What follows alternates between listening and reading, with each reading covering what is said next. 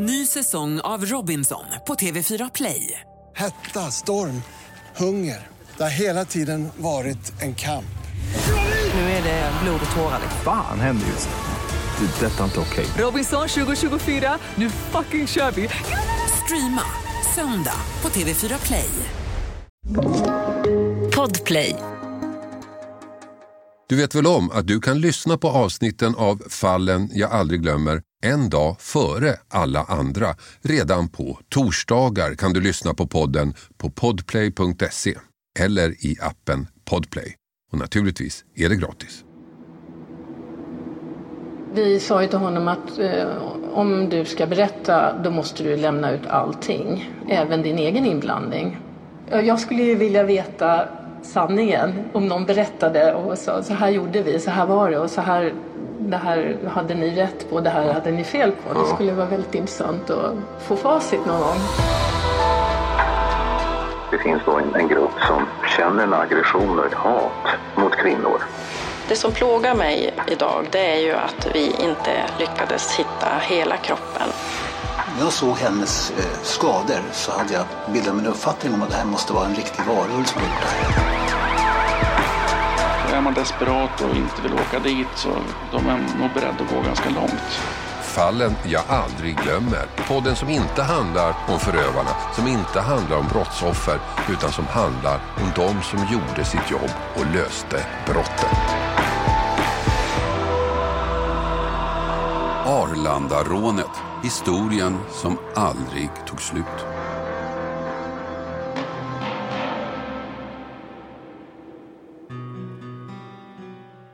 Min podd handlar ju om uppklarade fall, brott där de skyldiga har hittats, ställts inför domstol och dömts.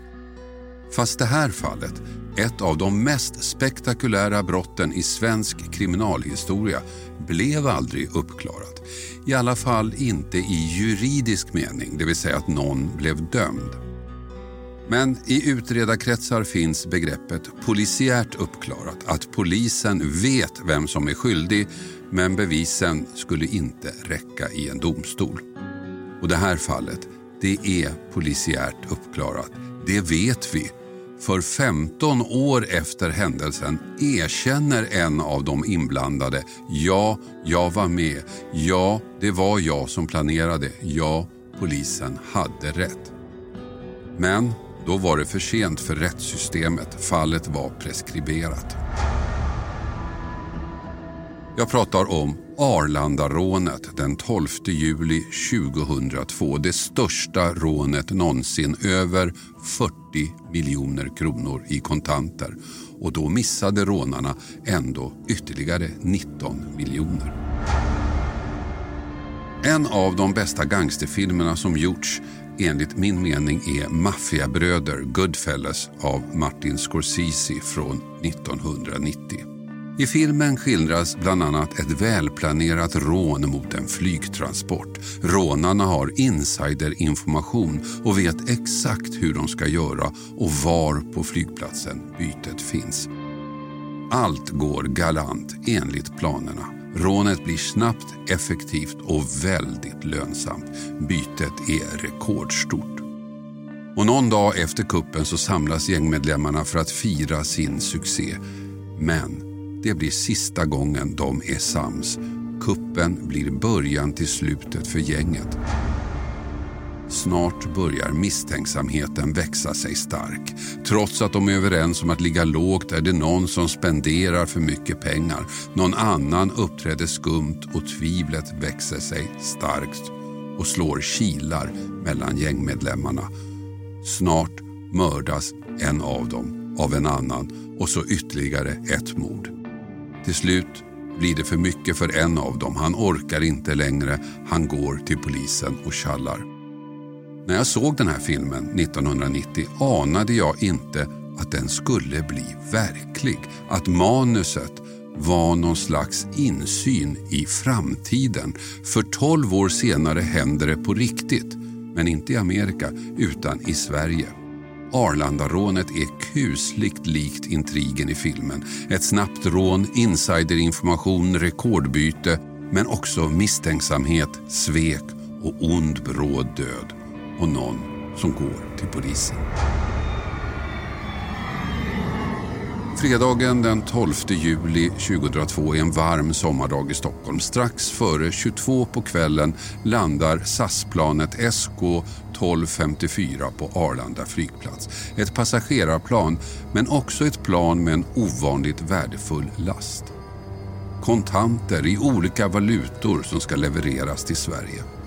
Därför står två väktarbilar och väntar på planet för att frakta kontanterna från flygplatsen till kassavalv. Och till en början ser det ut att gå helt enligt rutinerna. Planet taxar in till gaten, stannar motorerna och passagerarna gör sig redo att gå av. Men då, plötsligt, kör en vit Volvo fram mot planet och ställer sig vid bagageluckan. Två personer klädda i SAS lastkläder kliver ut. De är maskerade, de är beväpnade. Spela inte hjältar nu, säger en av dem till personalen. Och de vet exakt vad de är ute efter. De slänger in 13 säckar med kontanter i Volvon. Sen hoppar de själva in och bilen vackar iväg från planet. Allt framför väktarnas ögon. Men då bestämmer sig föraren i den ena väktarbilen att agera. Han trycker gasen i botten och sätter efter rånarbilen och rammar rakt in i den. Bilarna fastnar i varandra och rånarna sticker ut ett vapen genom bilfönstret och skjuter mot väktarna. Sen lyckas de ta sig loss och kör ut ur flygplatsen. Väktarbilen står kvar. Skotten hade träffat motorn. Allt det här tar inte särskilt lång tid, kanske en kvart. Och det blir det största rånet i historien. Säckarna innehöll över 40 miljoner kronor i kontanter i olika valutor. Och uppmärksamheten blir förstås enorm. En av dem som hör rapporteringen i radio och tv är kriminalinspektör Marianne Öhman. Det var hon som kom att leda jakten på rånarna. Jag intervjuade henne för några år sedan och då sa hon så här. Eh, för mig började det att jag, eh, jag hade semester eh, och hade min sista semesterdag den 12 juli. Det var en fredag och jag skulle börja jobba på måndagen. Och jag får ett telefonsamtal på lördag morgon att jag skulle inställa mig med anledning av det här rånet. Jag hade hört redan på radio innan att det hade skett ett grovt rån på Arlanda. Ja, Marianne fick alltså börja jobba ett par dagar tidigare än planerat. Och det första hon gör är att åka till flygplatsen och där är det några märkligheter som slår henne och hennes kollegor. Eh, jag och några kollegor åker ut till Arlanda. Vi eh, åker bil ut eh, och vi kommer in på flygplatsen och poliserna som är där visar oss runt och de visar oss även den flyktväg som rånarna har kört. Och det som slår oss är att man håller på att bygga om på Arlanda, F-piren. Och eh, poliserna säger själva då att oj, vi har svårt att hitta den här vägen själva för de bygger om här och de ändrar vägen varje dag. Eh, och eh, de här, den här eh, rånarbilen hade ju kört eh, cirka två kilometer inne på Arlanda fram till F-piren. Och, de hade hittat? De hade hittat och även hittat därifrån, eh, enkelt. Så det, den första tanken var ju att de måste ha varit inne och rekat. Men det måste ju ändå, redan när ni kom hit ut, stå klart att någon på flygplatsen, någon på flygbolaget någonstans måste vara inblandad. Det var en Måste ha fått information inifrån. Det stämmer. Mm. Man hade även liknande kläder som eh, SAS-kläder eller cargokläder med så gula västar. Så att eh, någon hade ju också sett till att de hade fått de här västarna. Mm. Eh, och det kändes som om de hade rört sig här på Arlanda flygplats som om de på det området där man normalt sett inte är som eh, passagerare.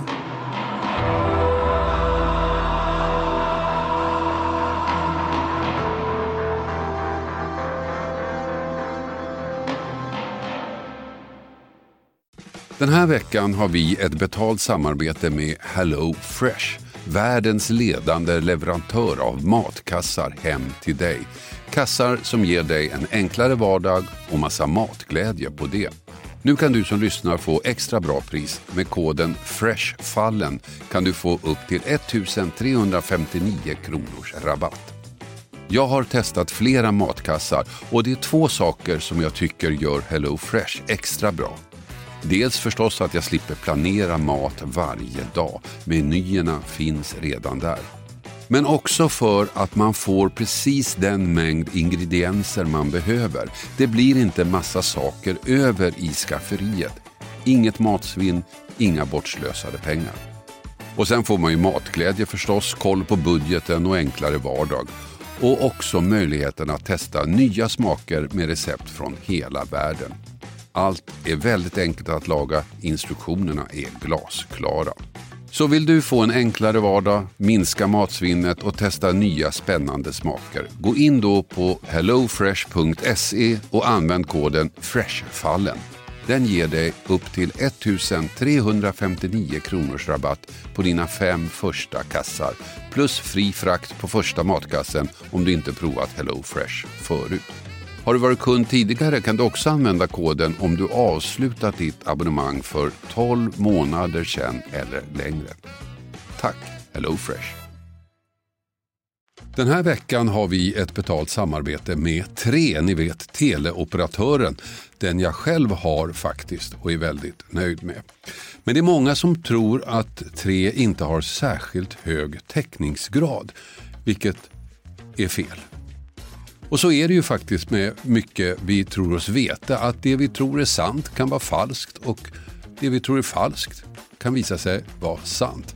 Jag hade faktiskt ett telefonsamtal med en kompis för inte så länge sedan, via tre då förstås, och vi snackade om myter. Och jag tycker mig ha koll på sånt, vad som är sant och vad som är falskt. Men det är inte alltid så lätt. Till exempel berättade min kompis, ni vet om myten att svalor flyger lägre när det ska bli dåligt väder. Falskt sa jag, men det visade sig vara helt sant. Och så det här att man, om man duschar varmt på sommaren så blir man svalare. Det trodde jag inte heller på, men det visade sig också vara sant. Så det blev lite en aha-upplevelse för mig. Men så pratar vi om vår gemensamma operatör. Ja, de har ju väldigt bra täckning, sa han. Och där visste jag att han har rätt. Han visste att tre har byggt ut och nu har väldigt stor täckning. Men det är inte alla som vet. Och ibland är det inte riktigt som man tror. Sanningen är att tre nu täcker otroliga 99,3 procent av Sveriges befolkning och det avser rösttäckning baserat på folkbokföringsadress. Så läs mer på 3.se om hur de bygger ut sitt nät och täckning. Tack 3. Ny säsong av Robinson på TV4 Play. Hetta, storm, hunger. Det har hela tiden varit en kamp. Nu är det blod och tårar. Fan händer just det. Det är detta inte okej. Robinson 2024, nu fucking kör vi! Streama söndag på TV4 Play. Ett poddtips från Podplay. I podden Något Kaiko garanterar östgötarna Brutti och jag, Davva, dig en stor dos skratt. Där följer jag pladask för köttätandet igen. Man är lite som en jävla vampyr. Man har fått lite blodsmak och då måste man ha mer. Udda spaningar, fängslande anekdoter och en och annan arg rant. Jag måste ha mitt kaffe på morgonen för annars är jag ingen trevlig människa. Då är du ingen trevlig människa, punkt. Något Kaiko, hör du på Podplay. Därför är gardinerna. Ja, trots att flygplatsen höll på att byggas om och det var väldigt snårigt att köra med bil visste rånarna exakt hur de skulle ta sig till det aktuella planet. Och inte bara det. De visste också hur de skulle komma in på flygplatsen. Det fanns en grind som låg bortom synhåll. En grind som märkligt nog var olåst. Så den hade rånarbilen kört igenom och sen hade de satt på ett hänglås inifrån för att hindra att någon skulle följa efter. Men det här var inte det enda märkliga sammanträffandet. Planet var också noga utvalt. Så här berättade Marianne Öhman när jag intervjuade henne för några år sedan. Det var ett plan som eh, hade ovanligt mycket pengar. Och ett, eh, det här planet det kom samma tid varje fredag från London. Men just den här sändningen var extremt mycket pengar. Och det, det måste man ju ha känt till. Rånarna visste alltså inte bara var planet skulle lägga till på Arlanda. De visste också med all sannolikhet att just det här planet hade extra mycket pengar med sig. Just det här planet var extra attraktivt. Någon hade informerat dem. Någon med information hade berättat. Någon som jobbade på flygplatsen kanske. Precis som i filmen jag berättade om, Maffiabröder. En av de första åtgärderna i utredningen var naturligtvis att söka av inte bara flygplatsen utan också området runt den. Och det gav ganska snabbt resultat. Polisen hittade inte bara en utan två bilar som verkade vara flyktbilar.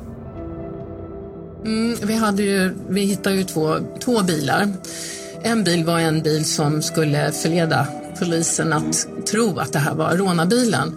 Det var en lik liknande bil, en Volvo 850, en grön, som stod parkerad eh, i en helt annan riktning eh, mot Prostakorset. Och den hade man en, eh, en personsökare i och en, en brandbomb som skulle tänkt att den skulle elda upp den här bilen. Och man hade även slängt ut eh, spanska ryttare här i Trostakorset. Så det hände ju saker och ting där samtidigt som rånet var precis över. Eh, Sen efter eh, några timmar då hittar man den riktiga rånarbilen i en lada eh, någon kilometer från Arlanda i en helt annan riktning. Och den såg vi att den, det var ju den bilen för den hade just en skada för att eh, inne på Arlanda så hade, var det, ju, det var ju två väktarbilar, en Falk och en Secur, Securitas-bil. Falkbilen hade kört in i rånarbilen och fastnat så att det hade blivit en skada och varvid eh, en av rånarna hade skjutit in i motorblocket på Falkbilen. Så den blev oskadliggjord, så kunde inte följa efter. Återigen ett tecken på en ganska avancerad planering. Lite övertänkt kanske. För polisen genomskådade nu den falska flyktbilen. Den som placerats för att leda polisen till ett helt annat håll. Den riktiga flyktbilen stod ju gömd i en lada i en helt annan riktning från Arlanda sett. Tanken från rånarna var väl att den aldrig skulle hittas. Då kanske de skulle ha städat ut den lite bättre. För här upptäcks rånarnas första misstag. Och det, var, det var en av personsökarna som fanns i bilen, den ena bilen då.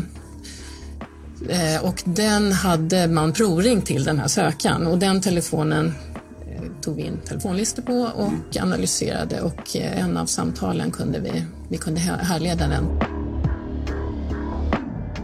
Den här personsökaren blir alltså det första riktiga fysiska spåret från rånet. En personsökare med tre telefonnummer i. Alla går förstås till kontantkort. Två av numren ger ingenting.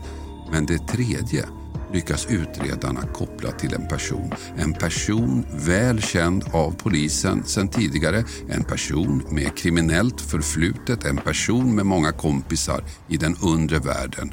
Och en person som absolut skulle kunna tänkas utföra ett sånt här spektakulärt rån. Så utredarna satte honom under span och upptäckte ett märkligt beteende. Det som han gjorde, han köpte, som vi påstår i alla fall, det var att han köpte en, eh, en Audi 5X som han åkte runt i och han festade upp sina pengar och han även skröt om det här rånet för andra. Det kom in tips om det också och den här bilen så den eh, blev han ju stoppad av polis vid flera tillfällen som han körde. Ja, plötsligt hade den här personen en helt ny bil Plötsligt festade han hårt och som om inte det räckte, han antydde också för sin omgivning att han var inblandad i rånet. Precis som i Maffiabröder, det som blev början på konflikten. Polisen fortsatte spana på den misstänkta personen i hopp om att det skulle leda utredningen framåt. Samtidigt jobbade man intensivt med den andra hypotesen, den att någon agerat insider. Någon med god kännedom hade berättat för rånarna om transporten. Någon hade berättat var planet skulle lägga till. Någon hade berättat att den här gången fanns det extra mycket pengar i lasten. Upplysningar som gjorde hela kuppen möjlig.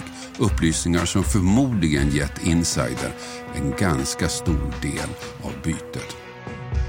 Frågan var var skulle man hitta den här personen? Vilka var det som satt inne med den här typen av kunskaper? Från början hade utredarna en bild av att det var en ganska begränsad grupp människor. Men det visade sig vara betydligt mer komplicerat än så. Mm, vi jobbade ut efter vilka kan ha kännedom om den här transporten. Och eh, det vi tittade på, det var ju, ja, vi hade fyra väktare som var hämtade den här eh, transporten. Sen var det ju personal på Arlanda. Det var både lastare och sådana som eh, jobbade med eh, plan som landade och eh, de hade ju kännedom om, kanske inte exakt summa, men att det skulle komma en, en större last. Eh, sen fanns det ju även personer, det här planet kom ju från London. Den ena banken var ju Hongkong Bank där det var 39 miljoner i, den leveransen. Och det var ju extremt mycket. Skottland Bank hade ju inte lika mycket valuta som skickades i transporten. Eh, och där var ju de som paketerade på banken pengarna och även transportbolagen i London och även det transportbolaget som transporterade till flygplanet också ifrån, i London. Mm. Hur många personer rörde sig ungefär? Ja, vi, eh, om man nu skulle eller bara se i stort så kunde det varit över uppåt 100 personer. 100 personer mm.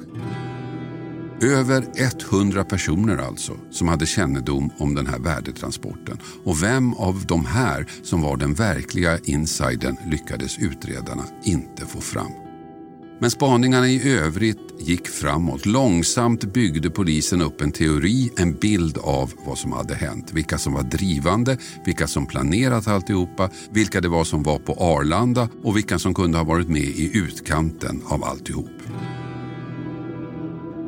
Ja, det vi jobbade efter det var ju mycket telefonuppkopplingar och, och olika elektroniska spår också eftersom det var väldigt dåligt med eh, andra spår. Det var, eh, så att man, visst, man kartlade ju olika nätverk. Men många av de här var ju väldigt löst sammansatta också så att man kunde inte säga, man kanske visste att det fanns ett x antal rånare just då men man visste inte vem som hade varit just inblandad Man kunde inte det. prata om direkta gäng Nej. utan man, man gjorde någonting ihop och sen försvann alla åt Ja visst och ibland vad vi förstod så var det även att de här personerna kunde bara någon dag innan bli uppringda och hoppa in och mm. göra det här mm. rånet. Spaningarna gav också en bild av den som låg bakom alltihop, själva hjärnan i kuppen. Och det var en mycket väl känd person för den svenska polisen. Problemet var att han inte bodde i Sverige längre. Det var ju mer underrättsinformation som vi fick och vi jobbade ju efter det också. Så att det går ju inte att säga att exakt hur det var. Vi jobbade ju med, eh, med tips och vi, den personen var ju inte heller i Sverige utan i, i, en helt annan världsdel. Så att, eh, det, där var ju lite svårt att få, få koll på den personen. Det är personen. ingenting som du kan säga att ni fick belagt? Nej. Utan det var misstanken ni hade? Det var misstanken vi hade. Och här någonstans tar det stopp. Spaningarna ger inget avgörande, inga nya spår kommer upp, inga tips kommer in. Polisen har ett antal personer på goda grunder misstänkta men inga egentliga bevis, inget avgörande som kunde få personer att bli gripna. Så utredningen går i stå och historien kunde vara slut. Men så blir det inte, för det är nu allting vänder. En dag får Marianne Öhman ett telefonsamtal. Ett samtal som får hela utredningen att ta fart igen. Den som ringer är Volkan Unsal, en känd kriminell. Han har information om rånet och han är villig att berätta, att sätta dit sina kompisar att gola.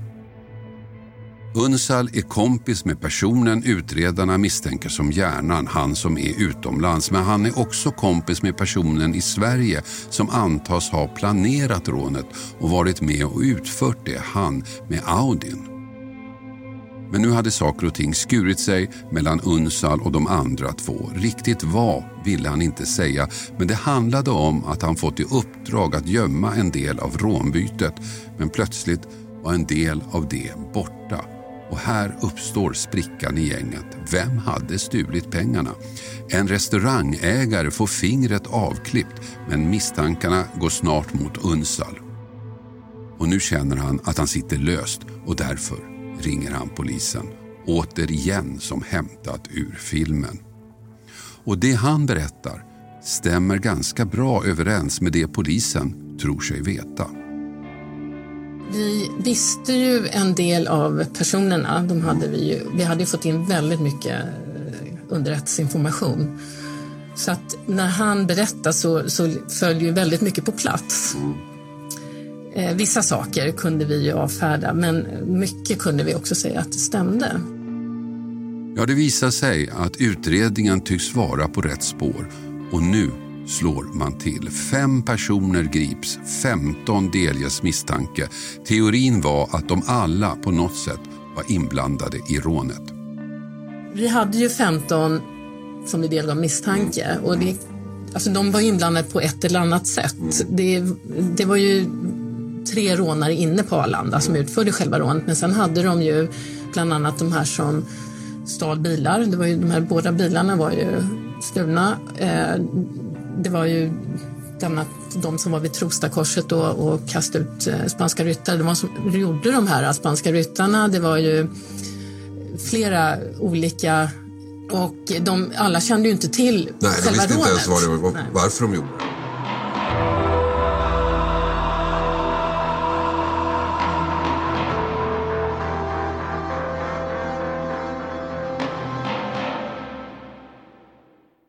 Ny säsong av Robinson på TV4 Play. Hetta, storm, hunger. Det har hela tiden varit en kamp. Nu är det blod och tårar. Fan händer just nu. Det. är Detta är inte okej. Robinson 2024, nu fucking kör vi! Streama söndag på TV4 Play.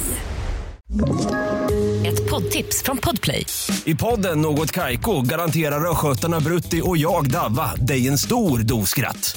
Där följer jag pladask för köttätandet igen. Man är lite som en jävla vampyr. Man har fått lite blodsmak och då måste man ha mer.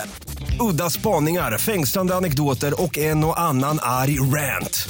Jag måste ha mitt kaffe på morgonen för annars är jag ingen trevlig människa. Då är du ingen trevlig människa, punkt. Något Kaiko, hör du på Podplay. Därför är gardinerna. Det polisen nu hade var Unsals berättelse och det räckte för gripandet men fortfarande saknades en hel del. Vi hade inte tillräckligt med, med bevis. att Vi hade ju inte rånarbytet, vi hade inte så mycket spår att gå på heller. Vi, vi, ehm, eh, det krävs väldigt mycket för att någon ska bli dömd också. Vi hade fem personer var ju frihetsberövade, 15 personer delgavs misstanke. Inte särskilt mycket tekniska bevis fanns. Men man hade ett vittne, ett vittne som kunde berätta Volkan Unsal. Det fanns dock ett problem, ett ganska stort problem.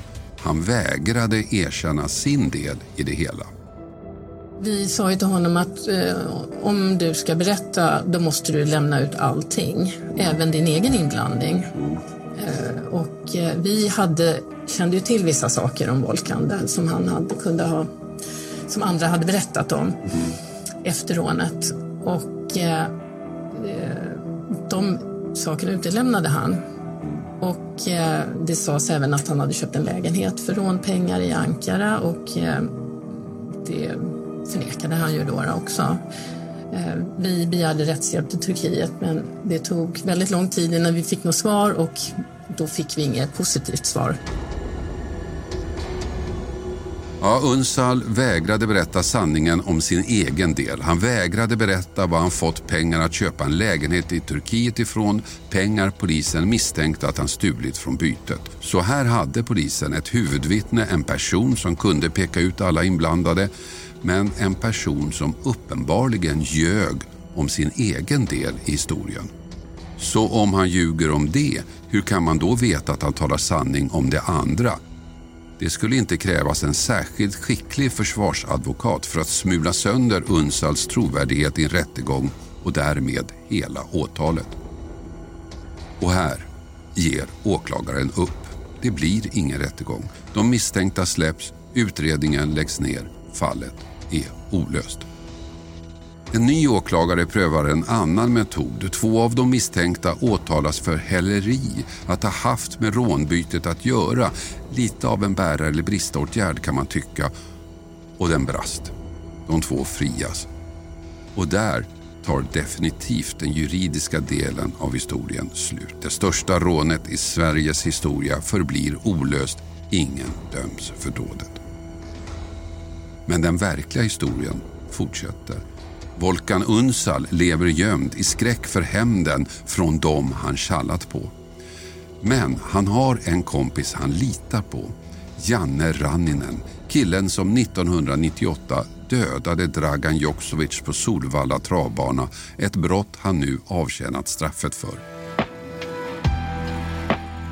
Unsal har känt honom länge. Långt före Solvallamordet var de kompisar. Så när Janne på hösten 2003 bjuder honom till Helsingfors har han ingen anledning att vara misstänksam. Janne kunde han lita på. Tyvärr inte, visar det sig. Efter en hel kväll på den kända Helsingforskrogen Sossis tillsammans med en tredje person går alla hem till Janne Ranninens lägenhet för att fortsätta festen, tror Unsal. Och det blir också det sista han tror. För de två andra slår ihjäl honom där och då. Den utredning som följde på det här mordet kom att bli den kanske mest omskrivna någonsin i Finland.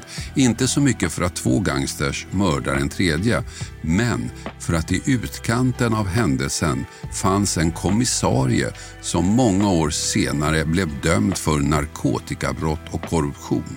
En mutad och brottsbelastad polis som visste att Ranninen fått i uppdrag att mörda Unsal men inte gjorde något för att förhindra det. Men det är en annan historia. Själva mordutredningen blev en framgång. Trots att kroppen aldrig hittades dömdes både Ranninen och hans medhjälpare för mord. Men det stannade inte där. Den i Sverige boende Leo Carmona dömdes för att han skulle ha beställt mordet vilket var intressant för den svenska polisen eftersom han var en av de huvudmisstänkta för Arlandarånet. Så han fick livstid för att ha beställt mordet på Volkan Unsal och där tycktes historien ta slut igen. Men kanske inte. För en annan av utredarnas huvudmisstänkta för rånet, en av dem som åtalades och friades för häleri, dömdes senare för ett annat rån. Han var villkorligt frigiven från fängelset när han 2014 skjuts i huvudet i en trappuppgång på Kungsgatan i Stockholm och dör. Om det är kopplat till Arlandarånet är ännu inte klarlagt. Men en sak vet vi. 12 år efter den rekordstora kuppen är två av de inblandade döda och en dömd till livstid. Det slutar alltså som i filmen Maffiabröder. Sanningen skulle aldrig komma fram vilket naturligtvis grämde Marianne Öhman och alla andra som var inblandade.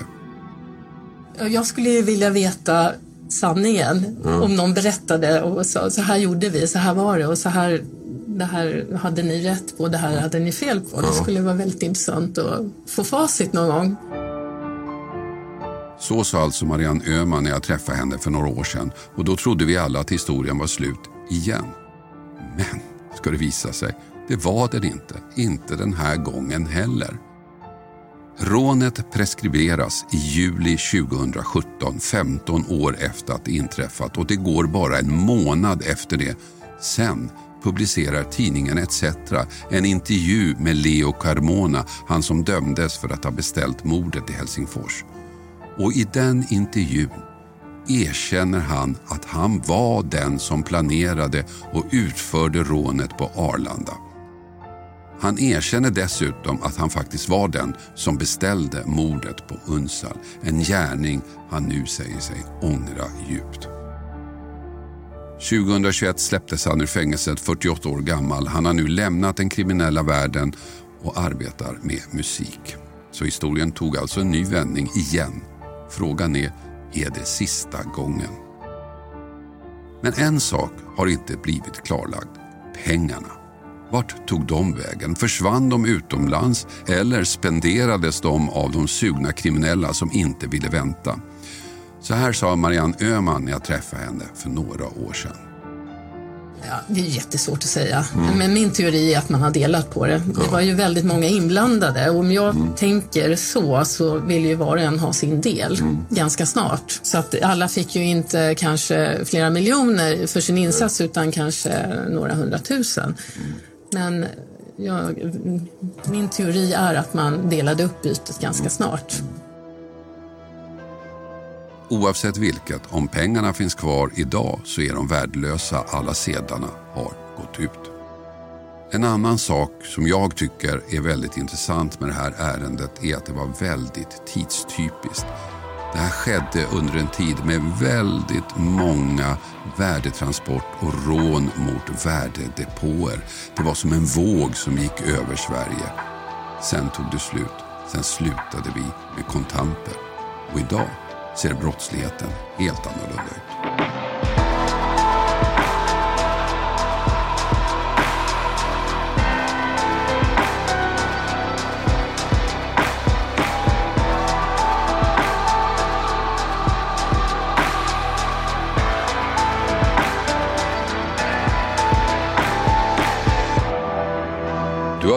Podden Fallen jag aldrig glömmer. Klippning David Davva Persson och jag heter Hasse Aro. Du vet väl om att du kan lyssna på avsnitten av Fallen jag aldrig glömmer en dag före alla andra. Redan på torsdagar kan du lyssna på podden på podplay.se eller i appen Podplay. Och naturligtvis är det gratis. Podplay, en del av Power Ny säsong av Robinson på TV4 Play. Hetta, storm, hunger. Det har hela tiden varit en kamp. Nu är det blod och tårar. Fan händer just det. Det är detta inte okej. Robinson 2024, nu fucking kör vi! Streama söndag på TV4 Play.